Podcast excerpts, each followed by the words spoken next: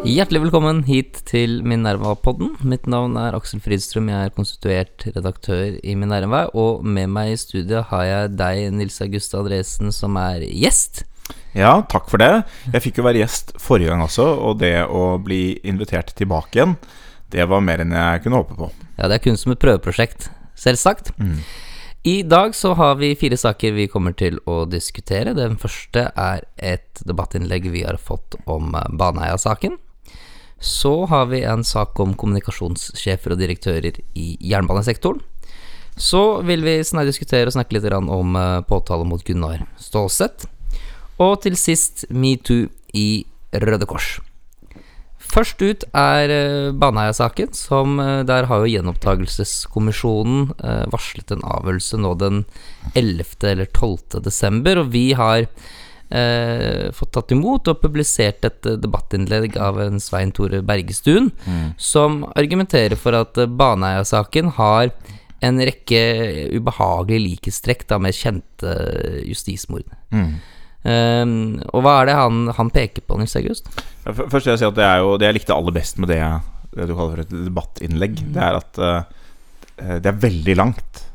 Det er så langt at alle de som anklager meg for å skrive langt, de, eh, de må rett og slett ta en runde med seg selv. For dette, dette er en langlesning. Men det er veldig interessant og grundig langlesning som eh, jeg tror mange kunne ha glede av. Den artikkelen ligger faktisk utenfor abonnementsbetaling. Så den kan eh, også de av våre, våre aller gjerrigste lyttere har anledning til å, å lese den. Eh, nei, Svein Tore Bergesund han har jo lang erfaring som, som journalist, og dekket jo også Baneheia-saken den gang. Altså for 20 år siden snart. Og Det han peker på i denne saken, er at det er noen, noen systematiske trekk ved måten politiet har jobbet på, eh, som både handler om vurdering av visse typer bevis, spesielt utelukkelsesbevis, eh, og avhør, avhørsteknikk, og, hvordan man bedømmer bevismaterialet som kommer ut fra det. Og det, det betyr jo ikke at det har skjedd et justismord i Baneheia-saken, men eh, jeg syns han argumenterer veldig godt for eh, at mange av de samme feilene som har skjedd i det som vi i dag mener er justismord, også har skjedd i Baneheia-saken. Dette er jo ikke helt nye eh, ikke helt nye ting. Det kom en bok om dette i 2017 som han eh, eh, har latt seg motivere av til å jobbe videre med dette. Uh, Det er også for- forskere ved Universitetet i Bergen som, som har sett på hvordan retten uh, bruker evidens i disse sakene. Men for å si litt om hva, hva det er som skjer altså ho Hovedproblemet i nesten alle disse justismordsakene, det er eh, det Bergestuen kaller bekreftelsesfeller. Så at politiet er måtte, så sikre, veldig tidlig i etterforskningen er de så sikre på at her har man den skyldige, at man eh, systematisk feilvurderer eh, sakens faktum. Uh, og det er jo på en måte veldig menneskelig, at vi alle har en tendens til eh, bek- bekreftelsesbias. At vi, hvis vi allerede tror noe er sånn, så, så leser vi statistikken litt skjevt. Og vi, vi, vi, får med oss det som passer, og det som ikke passer, det ignorerer vi litt. Og måter det f.eks. kan skje på, det er tekniske bevis. Hvis vi tar det som er i Baneheia-saken, så har det har vært mye omtalt et mobilbevis. eh, der eh, en altså, Hva er det det konkret handler om? Det ja, altså det jo, For dem som ikke kjenner Baneheia-saken veldig godt, så er det også to, to menn som ble dømt for eh, voldtekt og drap på to unge jenter. En, en fryktelig sak som, som opprørte hele nasjonen i, i 2000. Eh, de ble begge dømt til lange fengselsstraffer. Jan Helge Andersen er eh, sluppet fri for, for noen år siden, mens Viggo Kristiansen fortsatt soner en sikringsdom. Og det er Viggo Kristiansens sak som er den omstridte. Han har hele tiden nektet eh, å ha noen befatning med dette, mens Jan Helge Andersen tilsto på vegne av seg selv og Kristiansen. Eh, Så han impliserte på en måte Kristiansen. Og, og, og pekte på ham som hovedmannen, at han var blitt manipulert og lurt til å være med på dette her. Så det mobilbeviset eh, sier, det er at eh, Kristiansen hadde jo en mobiltelefon, og den eh, var på gjerningstidspunktet koblet opp mot en basestasjon eh, som det ikke er dekning til fra gjerningsstedet. Eh, Så den mobiltelefonen kan i utgangspunktet ikke ha vært der.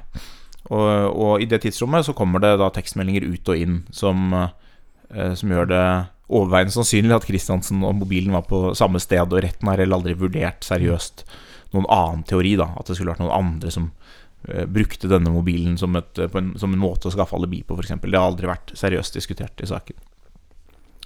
Men det retten har gjort, er at den har jeg måtte brukt en sånn helt teoretisk tvil eh, om eh, kan det pga. helt spesielle forhold likevel ha vært sånn at denne telefonen er blitt koblet opp mot denne basestasjonen. Eh, som et utgangspunkt for å måtte se bort fra dette, som i utgangspunktet er et utelukkelsesbevis. Og det, Måten det skjedde på i saken, var at eh, Telenor, eh, dekningssjefen i Telenor, sa at her kan det ikke ha vært dekning. Så fikk politiet bestilt en uavhengig rapport, eller en rapport fra, fra, fra noen andre, som også sa at her er det ikke dekning. Men som sa Men man kan ikke Vi kan ikke utelukke at det kan ha vært sånn. Og det betyr at du har på en måte noe som, som selv med det, basert på det, da, er liksom 90 eller 95% sannsynlighet ikke kan ha vært tilfellet, uh, er på en måte blitt, ikke blitt vektlagt i saken. Man har, man har bare vært fornøyd med at ja, de sa det var mulig, og det stemmer godt med det andre. Og når man da er så sikker på at det er riktig, så sier man ja, da, da må det være en av de fem eller to eller én prosentene av sånne rare tilfeller som, som, gjør at dette likevel kan ha skjedd. Ja, for det er jo fullstendig mulig at Kristiansen også er, også er gjerningsmann, til tross for den, den, den opplysningen om dette mobil... Ja, altså det, det, Jeg skal ikke gå inn i på det selve skyldspørsmålet, men, men øh, si sånn, hvis Kristiansen var med telefonen, øh, og hvis telefonen ikke var på gjerningsstedet, øh, da er Kristiansen ikke gjerningsmannen. Og så er spørsmålet hvordan ble dette bedømt av retten. Og så er det sånn at dekningsteknologien holdt jeg på å si, siden 2000, så vidt jeg forstår, uh, har gått både enda mye lenger å utelukke at det kan ha vært uh, forbindelse. Så da måtte man, kunne man jo konstruert noen andre hypoteser selvfølgelig som, som er mulig. ikke sant? At det, det fantes en tredje gjerningsmann som, som, bare hadde som oppgave å holde denne telefonen i et annet område som ville gi alibi. det er jo ikke jeg kan ikke si at det er helt umulig, men det er veldig lite sannsynlig. Og, og da, da, er spørsmålet hvordan er det retten har eh, liksom vurdert disse usannsynlighetsmomentene opp mot hva som skal ha vært sikre bevis. Så det er den ene type eh, tekniske bevis som de har måtte da eh, behandlet på denne måten. Og det finner veldig nøyaktige paralleller, om du vil, i andre kjente justismord, sånn som eh, Fritz Moen-saken, Per Liland-saken, Thomas Quick-saken, hvor man har hatt særlig de to første av dem, hvor man har hatt eh, tekniske bevis som har pekt eh, mot at dette kan ha vært tilfellet. Stein Inge Kristiansen-saken er en annen sak. med at Den er ikke så kjent. Det endte ikke med et justismord, fordi han ble Han satt varetektsfengslet lenge, men ble sluppet fri like før rettssaken skulle begynne, fordi noen andre tilsto. Men der hadde også politiet et mobilbevis, eller et manglende mobilbevis. Det er hovedvitnet, den eneste grunnen til at han ble implisert, sa at hun hadde ringt en telefon som Telenor ikke kunne finne noe spor av. Og så ble de spurt på er det mulig at det, er, det, er det mulig at det kan ha skjedd en feil. Ja, vi, vi kan ikke utelukke det, liksom. Og i det tilfellet så var det jo åpenbart at det ikke hadde vært noen telefonsamtale.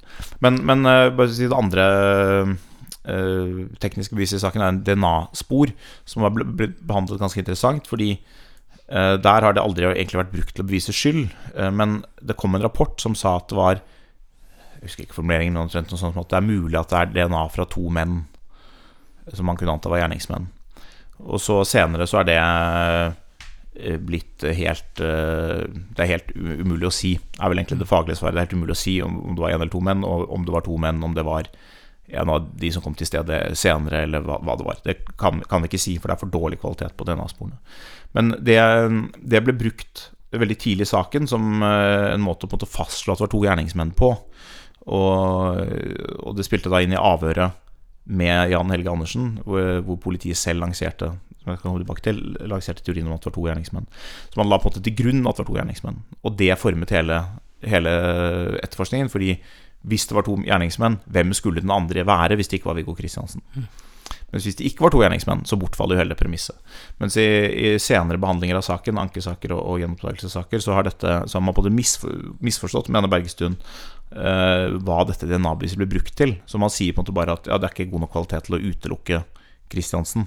Uh, det beviser ikke, men det motbeviser ikke. Som for så vidt er sant, men man, man måtte se bort fra at dette var grunnlaget for hele teorien om at det var to gjerningsmenn. Og uten den sterke teorien så har man egentlig ikke noe annet holdepunkt enn Jan Helge Andersens eh, forklaring, eh, som da sier at Kristiansen var, eh, var hovedmannen her. Men han har jo selvfølgelig et insentiv til å si dette, Kan også prøve å legge hovedskylden på noen andre. Og det interessante der er altså da måten avhørene skjer på, som er det, det, siste punktet jeg skal si noe om, så videre, som også finner parallell i disse andre sakene, at politiet på en måte leder eh, den avhørte til eh, å si bestemte ting som, politiet på en måte tenker selv. Eh, så det er politiet som foreslår Det kan ikke ha vært sånn at eh, du gjorde dette sammen med Viggo Kristiansen, og at han på en måte lurte deg til å gjøre det, omtrent. Og så sier han ja, ja, ja det, det, kan det passer bra. Det passer bra. Ja, ja, Eh, så igjen, det, det, beviser jo ikke at det ikke var sånn, men, men det, er en, det, er jo ikke sånn man gjør avhør i dag. Og som en konsekvens av mange av disse justismordene som har skjedd tidligere, så endret jo politiet praksis på alle disse områdene, og i dag opererer man annerledes. Men det er det som gjør denne saken interessant. Det er at dette har da vært en standard måte å drive politiarbeid på. Altså den, denne måten å gjøre avhør på og denne menneskelige psyken, som jeg tror er der alltid, men som han ikke da var like bevisst på, å unngå bekreftelsesfeller. Så det er jo på en måte en sånn blitt tankevekkende sak. Hvor mange andre justismord kan det tenkes at er der ute, som aldri ble, ble avdekket?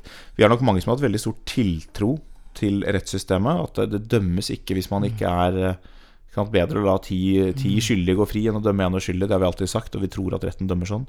Men bevisvurdering er en veldig mm. vanskelig sjanger, og det, og det, det er på en måte det vi ser nå. Retten får ikke alltid presentert hvordan er det egentlig avhøret har foregått. Uh, har det vært stilt ledende spørsmål? Mm. Hvordan er politiets spor uh, og vurdering av tekniske bevis kommet frem, og har retten hatt kompetanse til? Og si hva det betyr at noe ikke kan utelukkes, f.eks. Og så, eh, vel, vel, uavhengig nærmest av om Kristiansen er utsatt for et uh, justismenn eller ikke, så er det jo in interessante ting det går an å lære her eh, for fremtidig politi. Ja, det er det. Fordi altså, jeg vil jo tro at i de aller fleste sakene hvor det har skjedd feil av denne typen, så har det ikke hatt noen innvirkning på skyldspørsmålet. altså, man kan jo godt ha gjennomført dårlige avhør med ledende spørsmål. Uh, uten at det påvirker skyldspørsmålet. Og mange skyldige er blitt dømt etter at det har skjedd feil av denne typen, eller sånn dårlig kvalitet på etterforskning av den typen. Så, så, det i seg selv sier ikke at det har skjedd et justismord, men det det, det det, sier, er at den dommen som, som opprinnelig kom, eh, dens begrunnelser uh, står seg ikke så godt, mener Bergestuen. Jeg må si at jeg, Ut fra det kjennskapet jeg nå har til saken i dag, så, så tenderer jeg å være enig med ham. De begrunnelsene de står seg ikke så godt i lys av det vi i dag vet om hvordan denne etterforskningen har skjedd. Det tror jeg må avslutte dette temaet. Vi går videre. Vi har jo i dag også publisert en sak, redaksjonssjef hos oss Magno Normo Eriksen skrevet en sak om, om eh, jernbanesektoren. Og ja. antallet kommunikasjonsarbeidere i, uh, i jernbanesektoren. Mm. Og ja, hva handler dette om? Ja, nei, det, det, Jeg håpet at du skulle fortelle meg litt mer om det. Men uh, sånn som jeg har forstått denne saken, Aksel, så er det vi, vi, hadde jo en gang NSB, som sikkert ikke hadde noen kommunikasjonssjef i det hele tatt. Kanskje én. Ja, de hadde det. De hadde kanskje én. Ja. Ja. Men NSB pleide jo da å kjøre tog, og så kjørte de litt buss på siden. Men i dag så er det splittet opp i mange forskjellige selskaper, og de har til sammen 19 kommunikasjonssjefer. Hele jernbanesektoren har, har 19 kommunikasjonssjefer. Hele jernbanesektoren har 19 kommunikasjonssjefer, og det er vel åtte av dem eller noe sånt som er i, i Vy. Ja.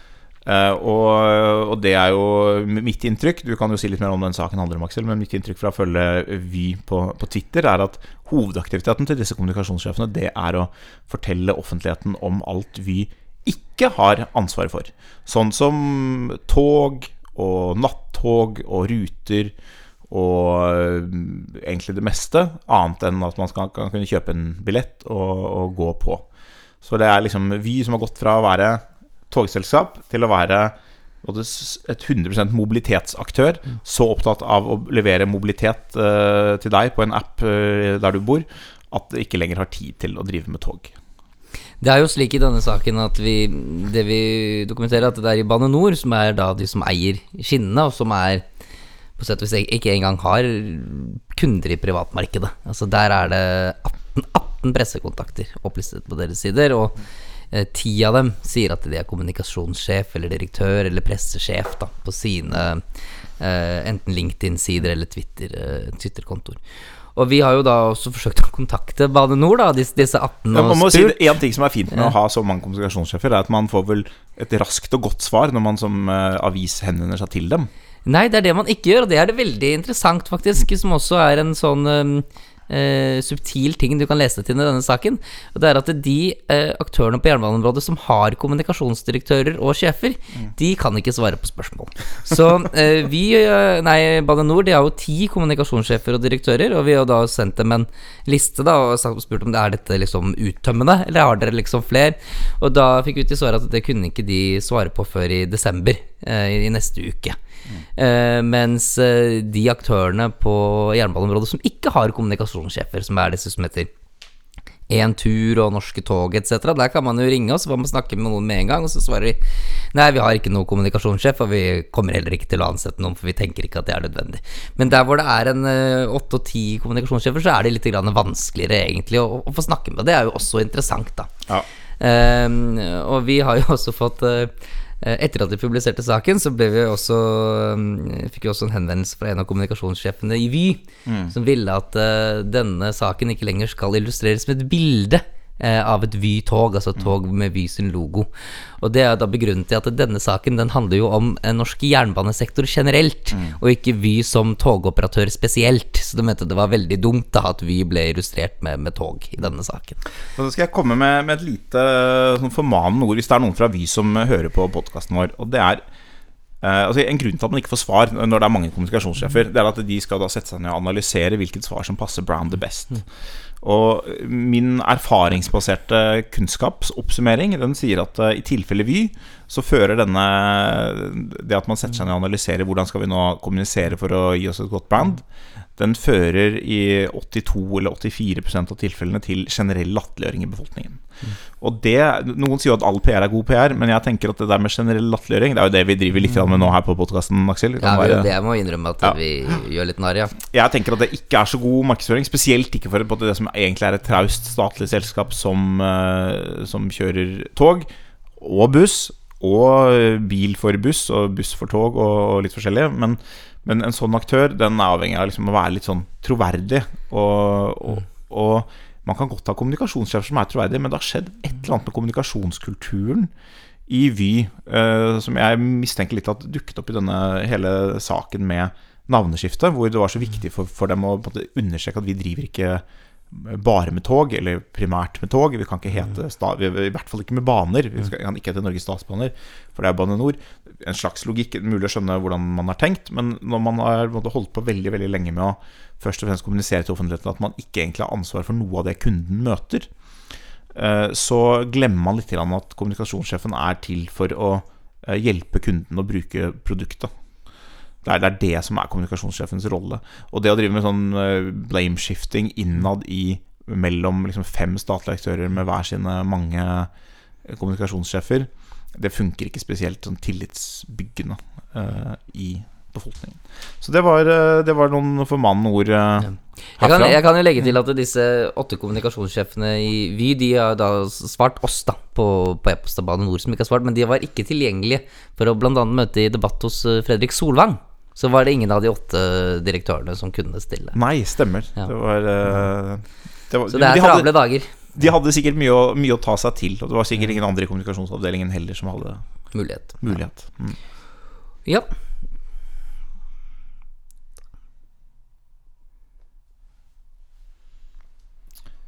Men uh, vi skal gå videre, Aksel. Hva, hva er det nå? Neste på programmet, det er biskop uh, Stålsett. Og for han eh, har det jo nå blitt tatt ut eh, Hva heter det for noe? Tiltale imot. eh, For at han har eh, ulovlig eh, ansatt en ureturnerbar asylsøker fra Eritrea til å gjøre vaskearbeider eh, hjemme hos seg. Ja. Det er vel ukas snakkis, må vi nesten kunne si, i norsk politikk. Ja, og vi har jo ikke skrevet om det ennå, så det er også en snakkis i Minerva. Det er jo ikke noe skriftis der, bare, bare prat foreløpig. Kanskje jeg skal skrive en artikkel om det. Det kommer opp på hvor godt mottatt denne, denne podkasten blir. Men Ja, Send deres tilbakemeldinger på, på, på, til en kommunikasjonssjef i Minerva. Ja, til vi Nei, Minerva kommunikasjon. Ja. Eh, men eh, eh, han eh, får jo ris og ros, denne Stålsett. Kanskje mest eh, ros, men jeg er ikke så egentlig imponert over, over denne måten å, å holde på med. Nei. Jeg kan jo si her at her, her kan det jo hende at vi kommer til et litt sånn sjeldent punkt i Minerva-podden med en smule tension og uenighet. Det blir spennende å se. Så nå, nå går vi videre. Hva, hva tenker du, Aksel? Hva Nei, jeg tenker at uh, dette er liksom et, et uttrykk for en, en holdning som jeg mener en del uh, mennesker i Norge har, hvor man tenker om lover og regler som er noe som er til for å liksom stanse de slemme, da. Men hvor når det er de snille, og de snille er jo gjerne meg selv, så er det liksom bare plunder og heft, og det står liksom i veien da for å liksom gjøre alle de, de gode gjerningene eh, som de har tenkt til å gjøre, og de må så de trenger ikke å forholde seg til lover og regler på, på samme måte som alle andre, for de er liksom så, så snille at det liksom bare er i veien. Og hvem er det som bestemmer hvem som er disse snille menneskene, selvfølgelig, som kan heve seg over lov og rett? Jo, det er jo gjerne de snille selv, for de er også veldig lure, da, så de kan liksom til enhver tid liksom selv ut, forholde seg til loven på en helt sånn diskresjonær måte, da, dette, som en slags buffé. Denne loven liker jeg, og denne liker jeg ikke, Også. så langt er vi faktisk jeg- dessverre ganske enige, men, eh, Ja. men jeg tenkte, altså, det, er jo, det er jo litt interessant det når vi sier de snille og de slemme. Det, det, det interessante med det er at jeg tror de, de fleste aktørene på feltet vil i viss forstand være enige, selv om noen ville bruke anførselstegn. Så de, de på, på den andre siden vil jo sjelden bryte loven med, med den begrunnelse at de er snille. De vil nok heller finne på, på en annen type begrunnelse. at de er grådige, liksom? Ja, Eh, nei, altså jeg, det Man kan sikkert finne på mange typer begrunnelser, men vi kan ta et sånn sammenlignbart eksempel, egentlig. Det er si, en, en kapitalist som, som har ansatt en eh, En person som er i en vanskelig livssituasjon og trenger arbeid og sånn, men så måtte se på bedriften og si at jeg kan vi kan da ikke forsvarliggjøre dette her hvis vi skal betale arbeidsgiveravgift og, eh, og trygdeavgift for denne personen. Fordi det, da, da går det med underskudd. Det bærer seg ikke. Eh, Det går ikke. Det har ikke bedriften råd til. Da må vi si opp folk, liksom. Så derfor snyter vi på skatten bare i dette tilfellet. Eller bare generelt. Altså vi bare, vi bare snylte på, på litt Ja, bare i år. ja, bare i år. ja, vi snylte på litt ja. moms fordi det, det er, det, vi driver med noe som er så godt og så viktig. Vi lager et produkt som, som er så, så, så bra for folk, og da kan vi ikke betale moms. Altså, sånn er det jo de facto en del som nok resonnerer og gjør. Altså, det, det finnes jo en god del eh, skatteunndragelser her i landet. Og en del av dem er ganske sikkert subjektivt motivert omtrent sånn. Eh, men det ville ikke flydd. Nei, nei, alle, alle ville jo sagt umiddelbart. Alle ville sagt umiddelbart, ikke sant. Så um, da kan du selvfølgelig Men hva er det med Stålsett sin sak som gjør at han liksom vekker mer sympati da enn disse kapitalistene? Nei, altså det er jo, jeg, jeg, Først vil jeg si bare hvor vi er enige. For jeg er jo enig i at han har eh, jo brutt loven, og det er det i utgangspunktet ikke noe det, det skal man liksom ikke gjøre. Og uh, uansett hva som er begrunnelsen for det, så må jo det følges opp av rettsvesenet. Eh, Det er utgangspunktet. ikke sant Og, og, og han, eh, han kaller det jo selv sivil ulydighet. Eh, Litt artig sak i Vårt Land. Han uttalte i Vårt Land at dette er sivil ulydighet, mens Vårt Land skriver på lederplass at politiet kaller dette sivil ulydighet, men det er liksom helt feil. Dette er bare barmhjertighet, eller nødverge, liksom. Eh, Men, men dette er sivil ulydighet, eh, og når han nå står frem, så har det et politisk formål. Og han er innstilt på å ta sin straff, og det er jo mm, i hvert fall bra. Det er både sympatisk i saken. Det er det som skjer når man begår sivil ulydighet, er at da blir man straffet. Hadde man ikke blitt straffet, så hadde det ikke vært sivil ulydighet. Da, og det er jo sånn, da hadde det jo bare vært eh, normal aktivisme. Eh, men det som er eh, grunnen til at det får så mye sympati, Det er selvfølgelig at det er veldig stor motstand mot den loven han har brutt, blant da hans støttespillere, i hvert fall. Eh, Det er jo en lov som har hatt ganske stor støtte på Stortinget. Eller i hvert fall liksom altså De som har vært mot, har vært den typiske asylopposisjonen. eh, KrF, Venstre, mm, SV, MDG og sånn. Men det er en omstridt lov, og det, er der jeg er eh, på den mer eh, tvilende siden i denne saken. Jeg mener at den loven ikke er så veldig god. Altså det er den loven Det er en lov som reguleringer i, eh, hvordan dette hele utlendingsfeltet reguleres, hvor da også de vi kaller ureturnerbare. Så det er folk som har avslag og, og har utreiseplikt, men som Norge ikke er i stand til å tvangsreturnere. Fordi vi, enten fordi vi mangler avtaler, eller fordi vi selv ikke bedømmer det som trygt, eller uh, andre grunner. Um, de kan ikke jobbe når de er i Norge. Ikke på kort sikt, og heller ikke om de har vært her i 5 eller 10 eller 15 eller 20 år. Og det tenderer jeg nok mot å mene at det er en dårlig lov. Eh, det, det, gjelder ganske få mennesker. Det er for meg veldig uklart at denne loven skal ha noen insentivvirkning. Altså Den bidrar ikke, tror jeg, til lavere innvandring. Jeg er selvfølgelig åpen for å la meg overbevise hvis noen hadde fremlagt liksom, studier og evidens på at jo, dette er faktisk riktig. Men, Men jeg, har, jeg, har, forsøkt å finne det mange ganger og etterspurt det, og aldri, aldri sett noe sånt. Teoretisk sett så er det ikke så veldig plausibelt heller. Det er, det er jo det er en relativt lav prosentandel av den type migranter som det gjelder, som er i arbeid. Så, så, det er ikke så veldig mange av gruppen som det gjelder. Eh, de er ikke i arbeid selv om de har tillatelse til å være i arbeid.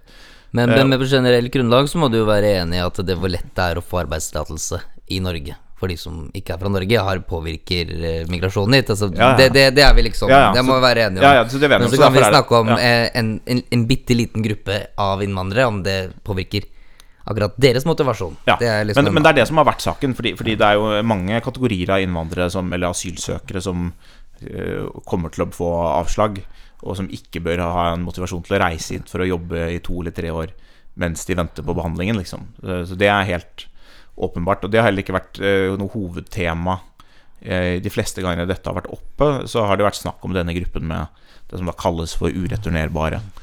Og, og, det, og det, er på en sånn Hvis du kan forstå hvorfor, det, hvorfor er det Stålsett får sympati, så er det jo fordi altså, da, han møtte denne kvinnen han, jeg, jeg, kan, jeg, kan, ikke historien i detalj, men på det tidspunktet hvor dette arbeidsforholdet ble ulovlig, som så vidt jeg har forstått saken skjer rundt 2008, så har jo denne kvinnen vært der ulovlig allerede i mange Eller vært der i mange år. Ja, men da lovlig kunne vaske, tror jeg. Ja, en stund ja. kunne hun lovlig vaske, ja. men hun hadde lenge hatt endelig avslag.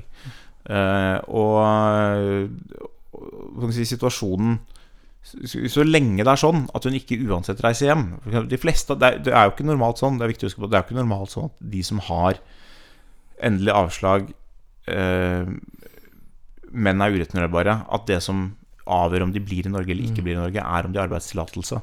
Og det skyldes også at det er, det er, faktisk fullt mulig å jobbe svart. Det ikke, det for det første er det uansett få som jobber. For det andre, de som jobber, kan jobbe svart i fravær av lovlighet. Ofte. Det er ofte mulig for dem å gjøre det, som denne saken jo for så vidt illustrerer. Eh, så det er veldig sjelden at det påvirker saken. Så sett fra Stålsets synsvinkel så er det jo mm. sånn at hadde han ikke gitt en jobb, så ville hun bare bodd her i ti år i en enda mer marginal og uverdig tilværelse. Det er hans perspektiv. Mm. Og det kan man for så vidt skjønne. Så mener jeg at det er Det, det fins jo mange ganger hvor, hvor man kan anføre noe lignende men hvor den generelle loven er helt avgjørende for å opprettholde et system som i sum er mye bedre for, for alle mennesker. Litt sånn som dette med arbeidsgiveravgift og, og moms, som vi nevnte i sted. Så jeg vil ikke uten videre for, forsvare Stålsets også, Jeg mener i hvert fall at den må prøves av rettsvesenet. Men jeg syns ikke at det er åpenbart at dette er en god lov. Og heller ikke for oss som Vi er jo begge to for en mye strengere innvandringspolitikk, Aksel. Og jeg skrev jo om eh, til, til, stor forargelse for mange om denne Abbasi-saken i Trondheim. Hvor jeg, som jeg skrev at det er gode grunner for å sende dem ut av landet. Eh, jeg hadde ikke hatt noe imot å Altså alle mennesker som har endelig avslag, bør eh, returneres. Eh, så det er, det er, mitt utgangspunkt, og det er, hoved, det er, hovedmåten vi håndterer sånne situasjoner på. Så er det likevel et spørsmål når Hva gjør man med mennesker som vi på en eller annen grunn ikke får returnert? Og det som vi ser i Norge, er at det er det er en grense for hva slags uverdighet og mm. fattigdom vi er villige til å la folk eh, leve i. Og det er på en måte bra. Vi skal ikke bli så insensitive i samfunnet at vi aksepterer liksom full nød og, og, og, elendighet. Så hvis de ikke jobber, så vil de på en eller annen måte, eller annen måte måtte forsørges, i hovedsak av det offentlige. Men det er ikke mye av problemet her, nemlig den, denne statusen eller kategoriseringen som, som, som ureturnerbar. Altså det, det, er, det, er, en veldig, er en, en, veldig, veldig rar limbo at den i det hele tatt Ja, liksom, jeg sier liksom, liksom finnes, så, såkalt ureturnerbar. Altså, det betyr at vi ikke er villige til å Det betyr at vi ikke har en avtale med det landet de er fra, som gjør at vi kan returnere dem dit. Eh, men de har jo også, som jeg innledet med å si, altså det er folk som har endelig avslag og har plikt til å reise ut, men som eh, ikke gjør det. Så, og det kan det være mange ulike grunner til, eh, men jeg er enig i at den kategorien er problematisk. Det er en kategori som bør bli så liten som mulig. Enten, så må være, enten, enten må vi si at når de, vi kaller dem ureturnerbare, er det fordi de faktisk ikke bør returneres. Da bør de jo selvfølgelig ja, ja, legaliseres. For, for... Ja, men det normale er jo at vi bør få på plass avtaler, og at vi bør bli flinkere til å sende eh, folk ut. Prioritere å sende folk ut. Det har jo skjedd i noe, noen grad de siste årene at vi har Eh, sendt flere mennesker med endelig avslag ut. Det er jo sant, ut, utføringen, og dette er jo sant, de gode som støtter uh, Stålsett, de ønsker jo at veldig mange av de som har endelig avslag, skal få bli. Det er, det er noe problemet her. Det, det, er noe av det som gjør at frontene blir ganske steile rundt Stålsett-saken. At For dem er det jo ikke sånn at denne saken egentlig bare handler om én tragisk skjebne. Uh, den, handler om at Hele prinsippet? Hele, altså det er veldig mange mennesker De tenker at alle de som har endelig avslag, men som ikke har dratt frivillig, eller en veldig stor andel av dem, det må være fordi det er så forferdelig at det vil være så grusomt å sende dem tilbake. Men i utgangspunktet er det selvfølgelig sånn at uh, for veldig mange mennesker så er det veldig attraktivt å komme til Norge. Og hvis det er mulig på tross av avslag å bli, mm. så, så, velger man å bli. Men det prinsippet er jo nettopp av en sånn art som undergraver fullstendig hele asylordningen og, og, og umuliggjøre en ansvarlig eh, innvandrings- og asylpolitikk. Så det kan, ikke, det, det kan jo ikke vi akseptere. Men, men eh, det er allikevel spørsmål liksom, Det er alltid noen sånne randsoner i asylspørsmål hvor jeg mener at det er relevant å se på Eh, de, de, er dette et prinsipp som har faktiske konsekvenser, eller er, det liksom, er vi nå litt kjipe bare for å være kjipe? Eller er det blitt sånn at vi ikke helt husker, og at vi, ikke sender noe signal ved å liberalisere? Og min, jeg er litt redd for at det siste kan være tilfellet i denne saken, og at uh, den type konsekvenser som vi ser her, nettopp gjør det vanskeligere egentlig å samle støtte for innstramninger som faktisk har effekt. Fordi man får så mange mennesker til å måtte, kjenne på sin asylliberale side. Jeg er åpen for at jeg kan ta feil hvis jeg får se noen liksom, ordentlige utredninger som viser hvorfor denne arbeidsnekten er viktig også for denne gruppen. Jeg er forstått åpen for det, men jeg har, jeg har, ikke sett det så langt. Jeg tror de utredningene må vi nesten komme tilbake til kanskje i neste episode. Det får vi gjøre, gjøre. Eh, for nå er denne saken litt uh, utdebattert. Men vi har en siste sak, og mm. det er um, metoo i Røde Kors. Det er Dagbladet som da har uh, publisert en sak om en vel slags frivillighets, nasjonal frivillighetsleder i uh, Røde Kors, som har havnet i uh, klammeri og nå trukket seg da etter en, en uh. Det, en tekstmelding, i hvert fall. Det, det, det er i hvert fall den biten av historien som gjengis i, i, Dagbladet. At han har sendt en tekstmelding til en kvinne som da har sagt til han at hun har blitt tatt opp uh, i en ambulansepersonellgruppe, tror jeg. Mm. Og så sier han gratulerer, hvem har du, hvem har du ligget med for å, for å, få til det? Mm.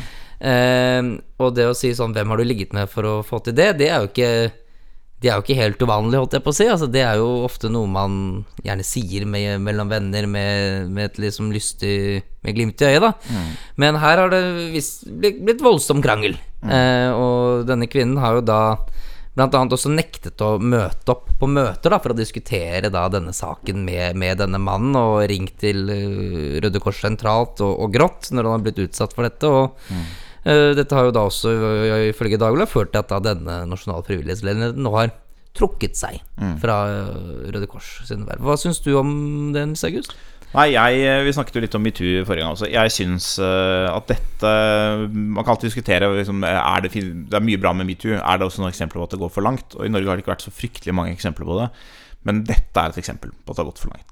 Og, og det er to problemer her. Det ene er selve hendelsesforløpet i Røde Kors, gitt det vi vet om saken. Man kan jo aldri utelukke at det ligger andre ting i saken som er årsaken til at uh, Røde Kors har gjort som de har gjort osv. Men, men gitt det som er offentlig kjent, at det er denne tekstmeldingen Den er jo da uh, Det er et kurs som det er vanskelig å gjennomføre, det er en gruppe det er vanskelig å komme inn i. Det er i hvert fall det premisset som mm. presenteres for oss. Um, han kommer med denne tekstmeldingen. Hvem har du ligget med for å få til det? Og så påfølgende tekstmelding. Gratulerer, smiley. Som viser en viss sånn uh, ja, at det virker som det er en lystig tone, da. Ja. Ja. Så sier hun vi hadde ikke en sånn tone at det var naturlig. Det kan jo hende at denne kvinnen ikke er kjent med at dette er noe som av og til sies. Kanskje hun syns det er en veldig dårlig spøk. Det, det, er jo greit. Det må man jo få lov å, å, mene. Kanskje hun mener den er litt sexistisk. Kanskje den er litt kjønnet. Man bruker det mer til kvinner. Den spiller på en stereotyp om at, man legger seg, ligger seg til topps osv. Greit, det kan man diskutere. Men, men det er noe med proporsjonene her som er eh, helt eh, vanvittige, spør du meg. Altså, det er en tekstmelding som er alminnelig sjargong eh, på mange måter. Bad or good taste, det kan man alltid være uenig om, men det er liksom ganske alminnelig. Og så får det denne type konsekvens. konsekvens. Det er det ene. Men jeg synes det andre som er, som er spesielt, syns jeg, det er Dagbladets dekning av denne saken. Som viser litt hvordan mediene omgås metoo. At man- det Hun er, kommer da til orde i saken, og det er ikke et eneste kritisk spørsmål. på, en måte, på Eh, hva ville det kritiske spørsmålet vært? Det ville vært av typen sånn Er ikke dette faktisk noe man må tåle? Fordi det er ikke et spørsmål man vil stille i metoo-sammenheng. Man, man vil ikke påføre liksom, offeret skam ved å spørre om dette er noe man må tåle. Men det er klart at det, det er jo et relevant spørsmål i teorien. Ja, det, det, og vi stiller dette spørsmålet ja, i vår sak til ja. Røde Kors. til Røde Kors, da. Ikke, Ja, ikke kvinnen. for vi vet ikke hvem denne Nei. kvinnen er, hun er anonym, men vi stiller Røde Kors det spørsmålet om, om, om hvorvidt de synes det er rimelig da Mm. å reagere på denne måten etter å ha mottatt en, en tekstmelding. Og hva svarer Røde Kors på det? Eh, De svarer at så lenge kvinnen ikke føler seg godt behandlet, så har ikke Røde Kors sin håndtering vært, vært god nok. Da. Og det er det Ja, prinsippet det- som jeg både mener er helt uhåndterlig. Det, er- det, er- ofte sånn? Hvis en kvinne har fått, øh, blitt klådd litt på puppene, så, så er ikke det riktige spørsmålet Er ikke dette sånn man bare må tåle, da?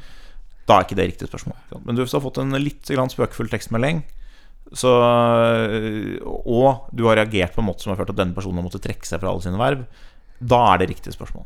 Du kan, du kan jo godt ikke tåle det i en forstand du kan sende en tekstmelding tilbake og si Vet du hva, jeg setter ikke noe pris på sånne spøker. Det er jo greit, det må man få lov å gjøre.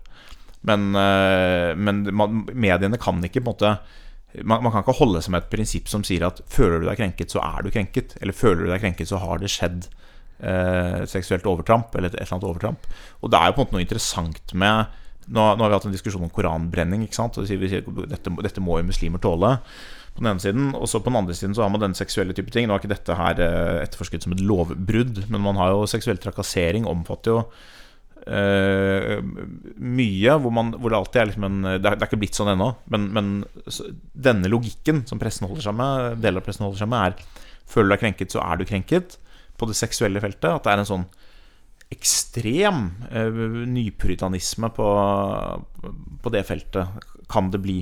Og det er, eh, det er en interessant sånn spenning, da. På den ene siden så er det mange grupper hvor vi er veldig tydelige på at de må, må tåle juridisk, men i forstand også sosialt. Du må tåle at vi håner og latterliggjør troen din. Sånn er det. Det er en del av det å leve i et moderne samfunn. Men Mm, på den annen side så, så må, får du lov til å fremstille deg som offer hvis du har mottatt en tekstmelding som inneholder en, en vanlig liksom, klisjé av en spøk. Og det kan, det kan jo godt være også, ikke sant, altså en sånn type spøk. Hvis noen reagerer veldig mye på det, så ville jeg kanskje også sagt til vedkommende at ok, men da ikke send de meldingene Nei, nei, til hun da hvis hun blir så sint.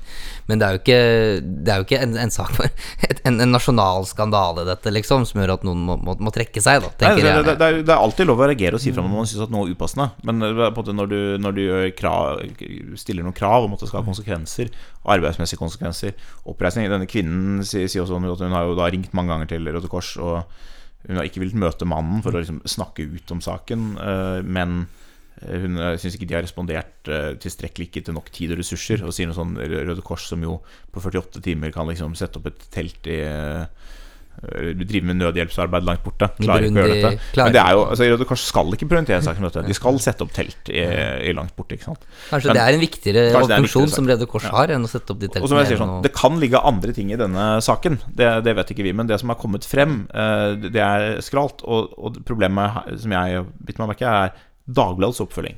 Fordi hvis det er andre ting i denne saken, så må man gra- gra- grave det frem. Og hvis det ikke er andre ting i denne saken, så er det noen kritiske oppfølgingsspørsmål som virkelig mangler. Jeg tror det avslutter podkasten for i dag, men vi bør vel kanskje ha litt uh, reklame?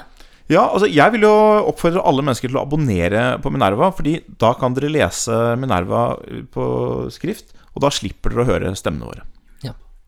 Og det er julekampanje, og den lanseres i neste uke.